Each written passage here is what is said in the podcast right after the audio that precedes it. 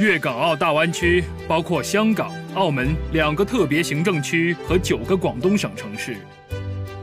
是一个充满活力的城市群，也是国家开放程度最高的地区之一。大湾区建设是新时代国家改革开放下的重大发展战略。香港拥有高度法治化、市场化和国际化的营商环境，是大湾区建设的核心引擎。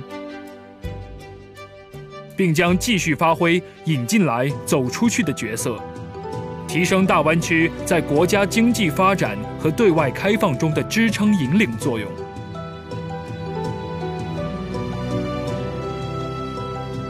香港享有一国两制的制度优势，既是祖国的一部分，同时拥有与国际接轨的商贸体系、完善的普通法制度以及资金、通讯、人才流动自由的优势。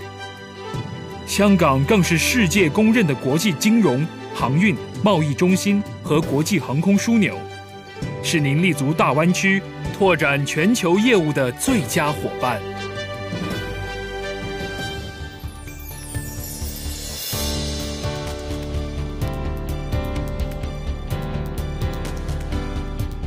我们的国际化程度非常的高，我们有西方文化背景，是中西文化交汇的一个地方，所以香港又有内地的优势，又有国外的那些好处，所以香港这个地方是一个双循环的一个枢纽。香港还是一个法治的社会，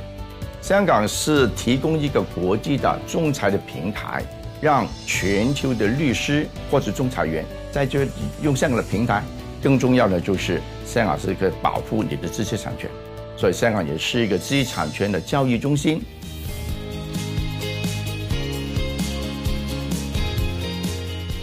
香港是主要的国际金融中心，也是连接中国内地与海外的主要的门户，具有独特的优势和机遇。香港的专业服务优势突出，特别是法治、市场规则和制度以及人才等软实力。随着内地与香港的金融互联互通的机制不断的深化，香港将会继续发挥超级联系人的优势，为投资者带来更多的机遇。无论是走出去的中资企业，或是有意拓展内地市场的海外企业，香港都是首选的投资和融资平台。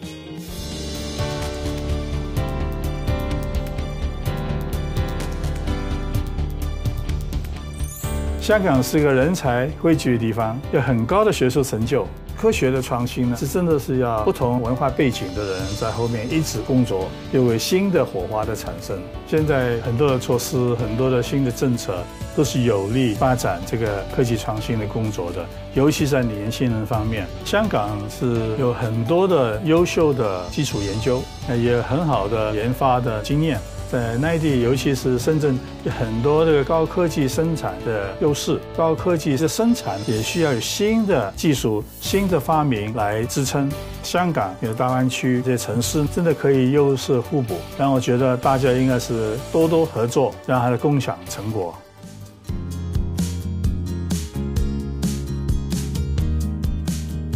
航空业和这个物流业的发展，最重要呢，还是建基于一个地方的经济发展。粤港澳大湾区是有非常庞大的消费市场，充满机会。透过更完善的跨境基建，可以连通大湾区的非常庞大的一个市场，又可以和这个世界各地接轨，享有独特的一个地位。香港国际机场也将会于二零二四年完成三跑道系统工程。对于香港作为一个国际航空枢纽是非常有利的一个保证。我们的跨境的基建，比如港珠澳大桥啦，香港到深圳、广州的高铁，支持香港提升国际金融、贸易中心和国际航空枢纽的地位。香港是连接国家与世界的重要桥梁，对于联系国内外市场。